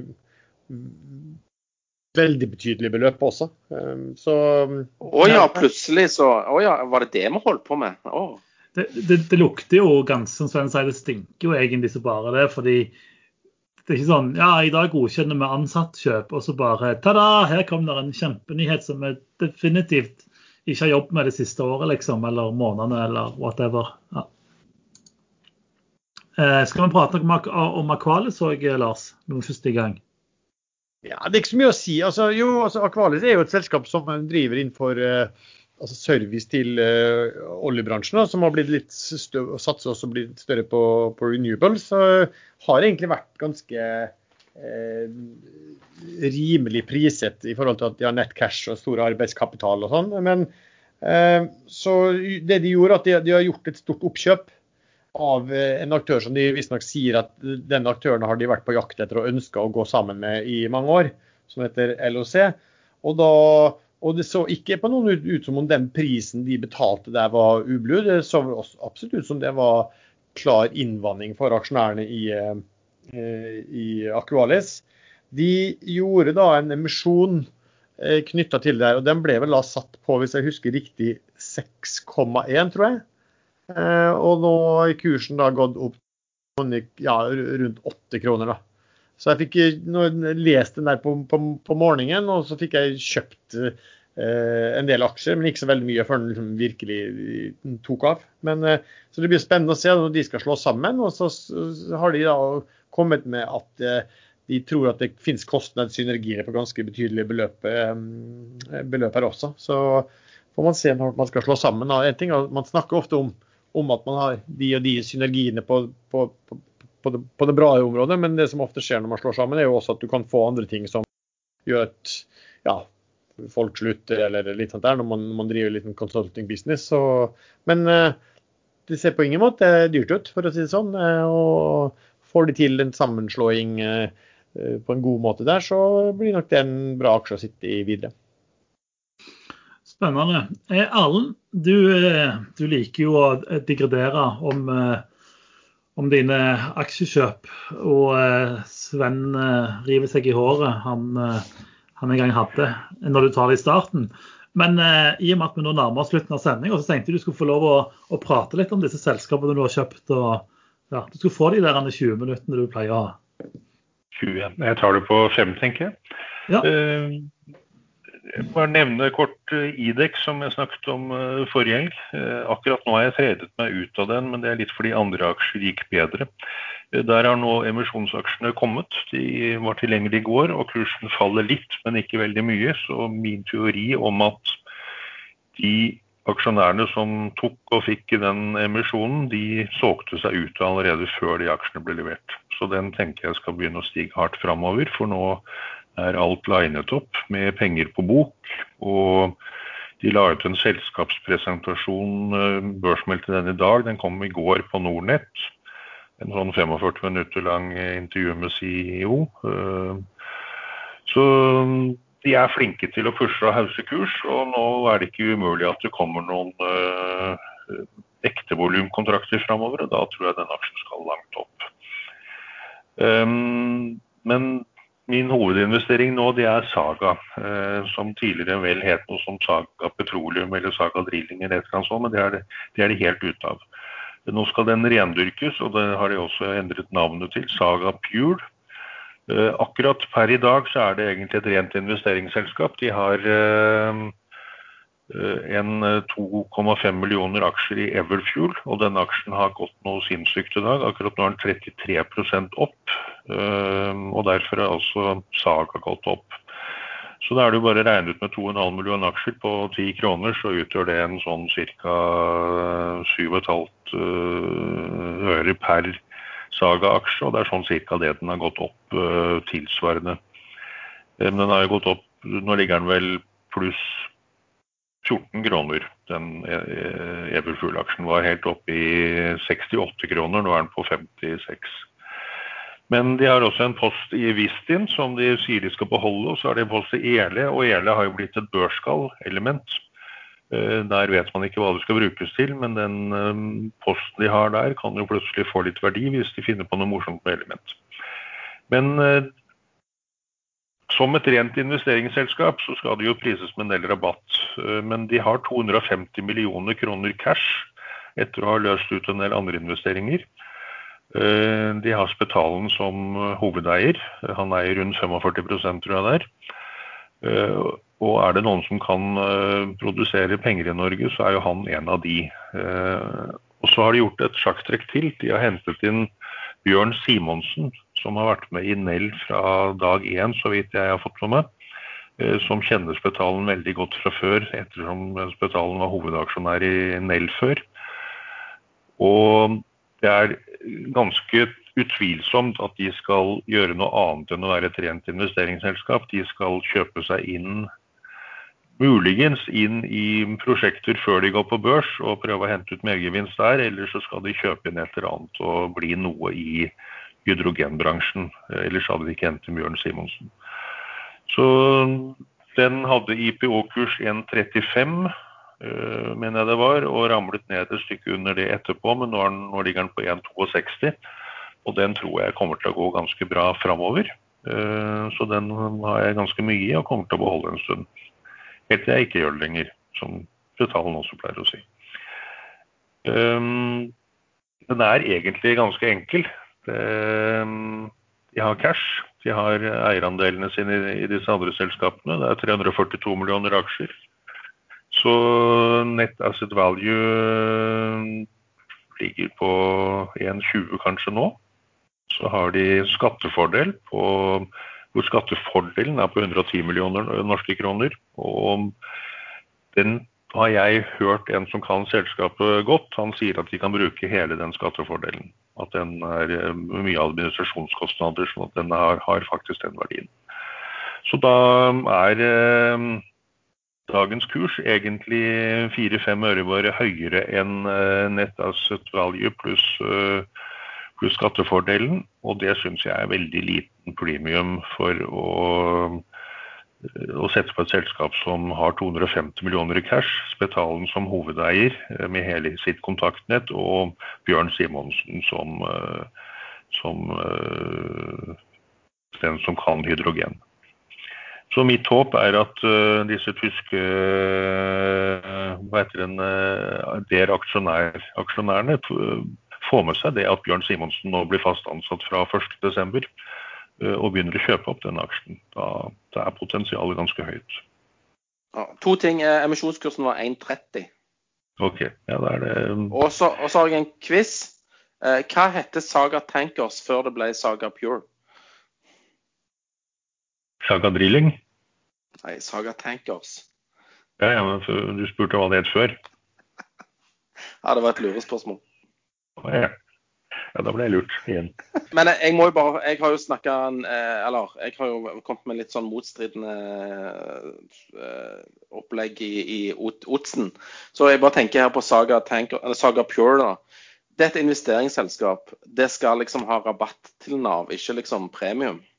Jo, jo. Så da Men kommer det til å fortsatt være et investeringsselskap når Simonsen eh, overtar 1.12.? Det er jo det store spørsmålet. Ja, selvfølgelig gjør det det. Han har jo putta Everfuel og så visst inn. Og, så det er der han skal liksom ha dette jeg vet, jeg Nei, man trenger ikke, man trenger ikke Bjørn.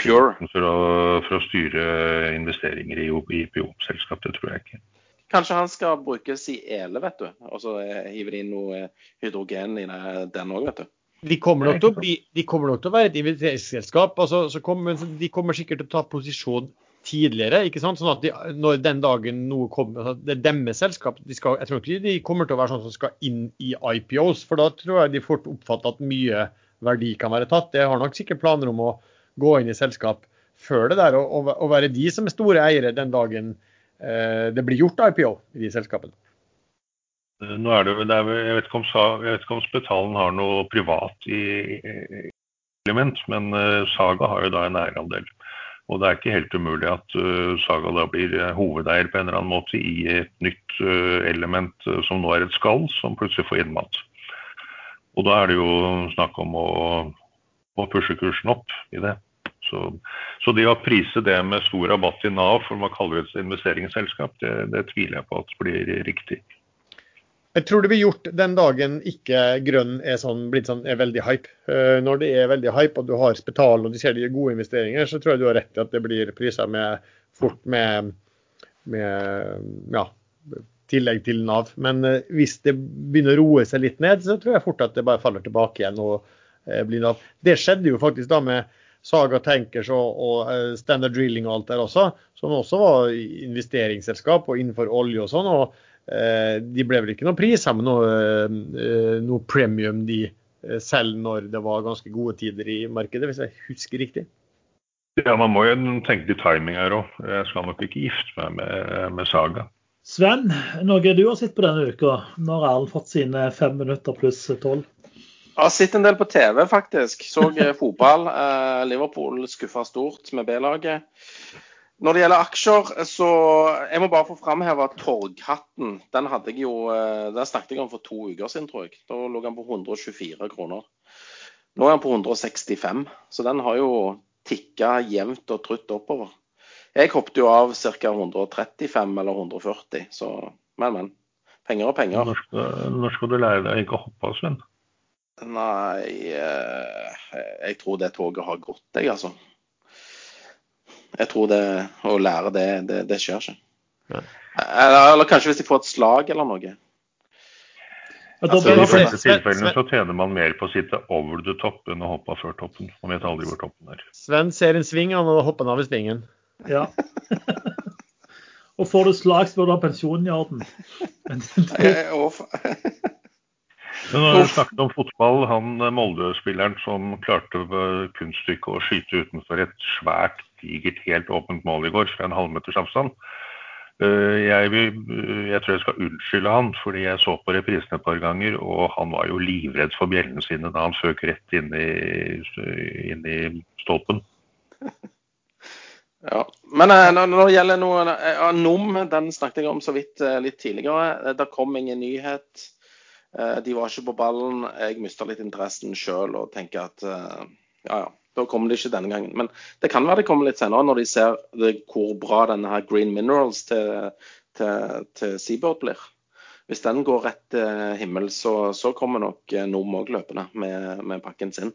Det er jo snart jul òg. Det er eh, Første konsesjonsrunde er i 2023, så det ligger veldig Ja, men altså, se- se- disse vind, vindparkselskapene, eller vind, vindteknologiselskapene, det- de har FIDS, altså Final Investment Decisions, i 2024. Det skjer, så, skjer ikke så veldig mye der heller uh, før det. Nei, Der er jeg virkelig enig. også, fordi at du, du ser på Sibel, så var det også sånn at ja, OK, de skal satse på å få en konsesjon som kommer i, om tre år, fire år. Men eh, man må jo brenne til nå og få, inn pengene nå, hvis du kan få det til en, en fantastisk bra prising. ikke sant? Jo, men han gamle Statoil-mannen Ivar Fossum han skal jo bygge et uh, nytt uh, gruveselskap tilsvarende Statoil, eller Equinor. Det er jo hans langsiktige plan, og han, han hiver seg ikke på en sånn hype bare for å få drevet opp kursen. Dessuten vet alle at Nordic Mining snart må hente inn penger igjen for å komme videre på Engebø titanprosjektet sitt. Så det trykker nok kursen litt ned. Men jeg kan ta feil. Det kan godt være at den kursen går sky high. På forventninger, forhåpninger. Lars? Eh, du får kjøpe litt Idex da, Sven, du som elsker sånne aksjer som uh... Jeg ser ikke noe trigger. Hva er triggeren? Altså... Det kom et spørsmål i Aksjesladderkanalen om forskjellen på Eller man kunne sammenligne Fing, svenske Fing og Idex litt. Uh, svenske Fing er jo mye større enn Idex, men market cap er faktisk ikke mer enn to eller tre ganger høyere. Og Fing har jo veldig mange kunder og veldig høy omsetning, og Idex har ingenting. Så, så dagens market cap i Idex er jo helt crazy i forhold til market capen i Fing. Uh, og da ble det spørsmål, men hva med forover? Uh, hvis det kommer da uh, volumordre på kort, og det gjør de helt sikkert. Nå har Fing garantert fått BNP Paribas som kunde. Så de var fornøyd med pilotforsøket og skal bruke Fing sin sensor i, i kortet. Fing kom med børsmelding i dag om at de skal kjøre et pilotprosjekt eller i hvert fall noen godkjenninger nede i India tilsvarende. Og India ligger også veldig langt framme på sånne bankløsninger. For det er mye enklere. De har ikke så mange bankkontorer og sånn, så da må de alle må ha liksom banken i lomma. Og de vil ikke, Indere er jo ikke så veldig glad i å ta folk i hånden. De har jo sånn øh, håndtrykk hvor de trykker hendene mot hverandre, så de har vel lært av gamle pandemier, tenker jeg. Så, men da er jo spørsmålet hva betyr en, en volumordre for Fing, som er store? I mitt hode ikke så veldig mye. Det er en, bare et, litt, et nytt markedssegment, så de tjener litt penger på det i forhold til det de tjener på det andre. Men for Idex så betyr det jo alfa og omega. Hvis de kommer med en volumordre som i mitt hode er mer enn én million sensorer, så vil plutselig det lille selskapet som i dag tjener knapper og glansbilder, plutselig få en omsetning. Så derfor velger jeg selv Idex framfor Fing. Men jeg må jo si det jeg har sagt 100 ganger før, at jeg tror egentlig ikke at Idex noensinne vil tjene mer enn de bruker. Men det er ikke det som er drivkraften min den aksjen skal pushes. Jeg liker sånne fundamentale tilnærminger til egne investeringer. Veldig, det er veldig betryggende, Arlen. Eh, nei, Sven, du kan jo kjøpe eh, Thunderfull, eh, som vi har snakket ja, om. Ja, den, den, den, den, anbefaler jeg ikke. nei, ikke tegn dere, for da får meg og Sven mindre. ja, jeg anbefaler ingen å tegne den. her det, gjelder det å skygge unna. Ja, og hvis du har tegnet den, så bare slett tegningen, faktisk. det er faktisk lov. Eh, og så ringer du din svenske tante og sier at hun må slette sin tegning, eh, sånn at vi får eh, full tildeling. Hvis, hvis den... jeg, må prøve, jeg, må forklare dette her så folk skjønner dette. her. Fing, det er kona du gifter holder nå. Fing, Fing er dama du gifter deg med. Oi sann, der var Arlen muta. Han skulle sett hvilken Fing jeg holder opp her nå. Nei, altså, Sven, hvis du, ikke, hvis, du ikke, hvis du ikke, drar 10 på Thunderfull på IPO-dagen, så skal jeg komme innom en, med men, Cola Zero til deg. Eller drikker du Pepsi Max? Jeg drikker alt. Ja, er, men, men, apropos det, jeg ser for meg overskriften allerede. Wonderful Tunderful'. Eller ja, noe sånt. det kan godt være. Eh, Lars, eh, hva ser du på i uka som kommer? Hvis du spør meg hva som er liksom mine favoritter, så er det jo vanskelig å si at det ikke er Ocean Team, siden jeg har kjøpt meg såpass mye opp. Men eh, det vi kanskje var Altså, det er jo Jeg vil bare si at Vi snakka om det men jeg vil bare si at det er høy risiko, og så er det high reward også. Altså store muligheter på, på oppgang, men også høy risiko. Bare så, man er, bare så man er klar med det. Det er kanskje ikke den aksjen man skal Man skal være litt forsiktig når man er inne i den type selskap. Det kan bli veldig bra, og så kan det bli veldig dårlig. Det, ja, time will tell. Det, men den ene, jeg tror, jeg tror, at det kommer til å bli mer fokus på hva de gjør av uh, ting utenfor vanlig shipping-biten sin, uh, og at den kommer til å bli reprisa basert på det. Uh, men så Den andre er faktisk, og det, det høres kanskje litt som man kjøpte og betalt, men jeg, det er jeg ikke. Eh, jeg vil faktisk si at man skal følge litt med på Pexip. Eh, og det er ikke, jo, det er også fordi at de skal ha eh, sending gjennom oss på torsdag. Men det er fremfor alt at den kursen har falt veldig mye tilbake. Nå er den faktisk prisa under IPO-kursen for en god periode siden. Og det jeg så, altså han som meldte da nå klokken eh, halv tre i, i dag, eh, meldte at han hadde kjøpt Det var som et, som var styremedlem, som hadde kjøpt da, aksjer for ca. en million kroner. Eh, og han hadde jo ikke så veldig mye fra før. Han hadde vel bare aksjer for en 350 000 fra før, så han økte sin private eh, veldig mye. Men så, så, så, så tilhører han jo da eh, disse Altså Han er altså CEO i TDV-en, som jo er en kjempeeier i, i selskapet. og eh, også har eierskap i Stavanger Venture, som er en sånn storeier. Så, så hvis du tar med indirekte, så betyr det ikke så veldig mye. Men han er styremedlem, han kjøper, han har nok en veldig god innsikt eh, i det selskapet. og eh, jeg tviler vel på kanskje at det der bare det skal være noe sånn støttekjøp. Så jeg tror han kjøper for han tror at det blir bra butikk også. Så, da, så det du sier er at oljepengene fra Stavanger-området er på full fart inn i Pexip her nå? De yngler i Pexip, kan jeg vel si. fordi de, de, de som er der, altså den, han som kjøper noe allerede via det han indirekte eier og alt der, og er jo da har jo da tjent voldsomt allerede. Altså voldsomt urealiserte gevinster allerede. Men, men altså mye av fallet i Pexip er vel òg fordi Zoom i USA har falt mye. Pga. at eh, nå er koronaen snart over. det er det bare seks måneder til med nedstengning, så er vi der. Eh, men eh, Pexip har jo tjent OK med penger hele tida. Så har du flere tips, Lars? Noe sier meg at det der videokonferansegreiene kommer til å fortsette selv etter covid-opplegget. Det er mye mer effektivt å drive roadshows og sånn virtuelt nå for både meglerhus og sikkert andre bedrifter òg. Ja, Fantastisk ser, mye mer effektivt. Ja, du ser nå at uh, Vi har jo de presentasjonene. ikke sant? Det var jo naturlig at vi skulle bruke Pexip for Pexip, selvfølgelig.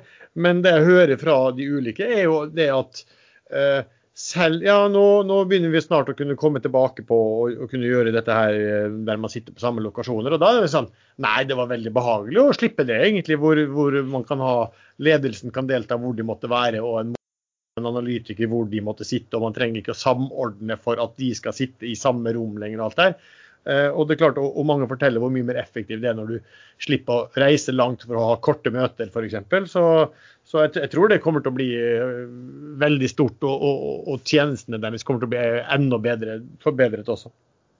Jeg merker det vil sikkert bli brukt privat i familier òg, hvor mann og kone slipper å bo sammen lenger eller være på samme rom. Man kan bare kjøre det man skal over Hva kalte du det? Pexip? Pexip? Pexit? Pexip, ja. Mm vil helst ikke vite hva du har tenkt å kjøre. Du snakket om dere, bøkene dine og hyrdestunder og alt det også, så jeg, håper du har, jeg håper du har solid kryptering, Erlend. Det, det, det, jeg merker på en måte i forhold til prestasjonen selv, har jo eh, Pareto, som vi nevner altfor mye, har jo en del konferanser som normalt er i Stockholm. Eh, de har jo kjørt alt av det på, på web i år, og de har hatt en veldig god eh, løsning. og Det er jo kjempepraktisk å kunne sitte hjemme og så at den vil jeg se på, den gidder jeg ikke å se på, og så kan man gjøre andre ting eh, når man på en måte ikke gidder å følge med. Så jeg, eh, jeg blir overraska om det blir like mye fysiske seminarer og prestasjoner i framtida, fordi dette er jo faktisk veldig behagelig. Og effektivt, ikke minst. Miljøvennlig. Og miljøvennlig. Så jeg ville ikke vært eh, flybransjen. Men det er jo kult å, å gamble. Noe mer, Lars, eller er du ferdig? Jeg er ferdig. Jeg har kjøpt meg inn igjen i de tre vanlige svenske aksjene mine. Embracer, eh, PDX og Stillfront. De har steget flott, eh, og det ser ut som den store rotasjonen er ferdig. I tillegg så har jeg kjøpt et nytt selskap som heter eh, som har tikker M8G, Media and Games Invest, som da er notert i Sverige. Som da er et selskap som kjøper andre spillselskap. Den har steget fint og kommer til å stige videre. og så gidder jeg ikke si så mye mer om den, så får du gjøre din egen due diligence. Så Erlend, kan du få lov å snakke om eh, Oslo Børs eh, all time high snart? Ja, nå er det ikke 960 som all time high? Ja. Et lite øyeblikk, så skal vi finne ut av det. Nå er den ca. 9,46, og da er det rundt halvannen prosent opp til all time high på Oslo Børs. Midt under 9, korona og lockdowner og Year to date uh, high er 9,49, står det her. Er vi så nærme? Da er det bare eh, 0, et eller annet prosent. Da. Jo, hvis jeg ser på chartet, så, så ser det helt riktig ut. Men da kan jeg minne om uh, min, min varsling fra rundt mai. da Jeg skjønte jo aldri hvorfor børsen gikk så fort opp, men jeg aksepterte det etter hvert. og Da skrev jeg i chatten at uh, nå skal alle børsene til all time high, og så kommer krakket. Og nå er allerede SPX og Dove Jones i all time high, og OSE nå snart. Nå er det like før det store krakket kommer. Og det kommer pga. Tror, men altså et krakk må komme pga. noe. Hva tror du det skal være? Ja, det, det er jo det er klart at veldig mange der investorer er jo nervøse når, når man kommer opp i helt old time high-området og ser på verden rundt seg. Vi, vi, ikke, vi lever jo ikke akkurat i en helt normal verden. Nå er det for så vidt nullrente og Fed, men det er eh, valgår, og Biden eh, blir høyst sannsynlig president hvis ikke Trump skulle klare å få stoppet det i Høyesterett, noe jeg tviler på. Eh, Men hva hvis Biden eh, gjør det han burde gjøre, og lar børs være børs og tar rette grep for å rydde opp økonomien igjen? Da, da, vil jo, da vil jo børsen i USA krakke, selv om han kjører store infrastrukturpakker. Så, men jeg, jeg, er vel en av de som også har skjønt at øh, hvilken vei markedet går, er det umulig å spå. Men hvis folk i all time high-området blir nervøse samtidig, så går det fort ned. Men vet du hva som er det morsomme da? Det er jo at eh, vi begynner jo å nærme oss et nytt år, så det er jo ikke så lenge til vi må begynne å pønske ut eh, våre black swans for 2021. Og etter at du traff meg så brutalt på din i, i år, eh, Erlend H, Jeg så vil ikke ha noen Black Swan i år. Eh, Nei, jeg, jeg, jeg støtter Erlend etter hvert som om vi tør å, å kjøre Black Swan etter, fjor, etter årets treff. Eh, så ble det jo litt eh, skummelt. Jo da. Men i, i forhold til det når folk blir nervøse, det er litt interessant. fordi Hvis du ser da på, på gaming i Sverige sant? Nå kom det jo Q3-tall, alle leverer knallbra, og så faller det og faller det. faller. Fordi folk er nervøse fordi prisene er all time high. Og så skal det ikke så mye til enn at når førstemann hopper, så hopper alle etter. Så, men jeg tror ikke vi har krakk ennå. Jeg tror eh, festen skal fortsette litt til. Nå tegnte jeg akkurat i Tønderfugl her. Eh, Nice. jeg anbefaler ingen andre å gjøre det samme. Nei. Eh, fikk du tegna som proff eller som eh, retail? Jeg bare sendte mail til han eh, ABG-megleren. Å ja, du, du der, ja. Greit. Det, det hyggelig for deg. Eh, siste spørsmål for dagen. Det er litt eh, hvordan, eh, hvordan mitigere med risiko. Om, altså, det, er jo, det er jo risiko i markedet fordi covid og presidentgreiene i USA og Kina og sånne ting. Hva, hva gjør vi for å begrense risiko? Skal vi ta en kjapp runde på det før vi, vi gir oss? Sven?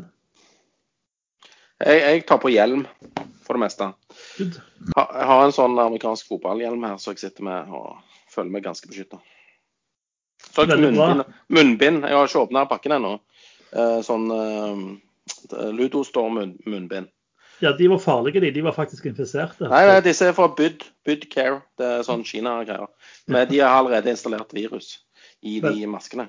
Nice. Så det er immunitet. Eh, du, du Erlend, hva gjør du for å begrense risikoen eh, i disse tider? Nei, jeg eh, selger meg ut av det meste sånn eh, fjerde-femte hver dag. For jeg tenkte at uh, nå vil jeg ikke sitte over natten eller over helgen. Og så tar det fem minutter, og så har jeg kjøpt meg helt uh, inn igjen med alt. Så dette har jeg gitt opp. Det, nå rir jeg dette til det smeller, og så kommer jeg meg ut fortest mulig hvis jeg syns det lukter vondt. Men der Trump er jo en løskanon. Han har eh, nesten to måneder igjen som president. og han har, eh, Det finnes ikke noen mekanismer i USA som begrenser hans makt uh, før Biden overtar. Så han kan jo gjøre absolutt det han ønsker av unnskyld uttrykket faenskap. Lars, gjør du noe for å mitigere risiko? Morsomt å snakke om mitigere risiko når vi hører på hvilke aksjer den gjengen her vi, vi er inni av og til.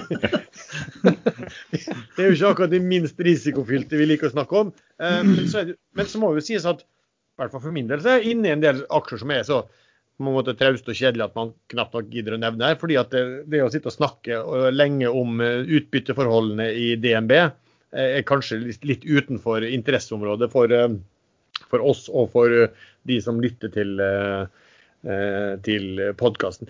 Nei, altså det blir jo bare en, en det blir jo bare en, en, en, vurdering du må gjøre da, om hvor nervøs du er for markedet og likviditeten i det du sitter inne i. Hvor mye skal du putte inn i det enkelte selskapet. Altså det, det, er hele tiden en sånn tanke på OK, hvis du må ut, hva da? Hvordan, hvordan, sitter du da? Det er vel der man kanskje kan jeg tenker litt sånn eh, tenker litt risiko. Og balanseringen der. Cash, litt mer solide selskap som er veldig enkelt å komme ut fra, kontra de, de som vi ofte snakker om her, og som har tatt litt bra posisjoner i, men, eh, men som til en del er ja, mindre likvide og vanskelig å komme seg ut av hvis det plutselig må gjøres. Nei, jeg, jeg har begrensa giring. Jeg, jeg, kjører ikke giring lenger. Og så prøver jeg å finne selskaper med, eh, med omsetning. Eh, hvis det er selskaper med lav omsetning, så ja, sitter jeg sjelden over helga eller over perioder hvor det kan være ekstra risiko. Eh, for eh, ja, det, når det først smeller, så skjer det fort. Og da er det dumt å sitte i en aksje hvor eh, det er null kjøpere. Eh, eller som vi har fått, vi får av og til en del spørsmål om aksjer som ikke, eller selskaper som ikke noterte. Det svarer vi ikke på litt av prinsipp, fordi risikoen i ikke-noterte selskaper er veldig høy. Fordi det er vanskelig å komme seg ut. Så hvis folk ikke føler de får svar på ting som ikke er notert, så det er grunnen. Vi har fått spørsmål om hva vårt største tap er. Det kommer der i en episode nærmere nyttår. Da skal vi oppsummere året og snakke om årets vinnere, årets tapere og alt det andre dumme vi har gjort. Og så er det òg en del spørsmål om nyttårsrakettene eller Svens julekuler.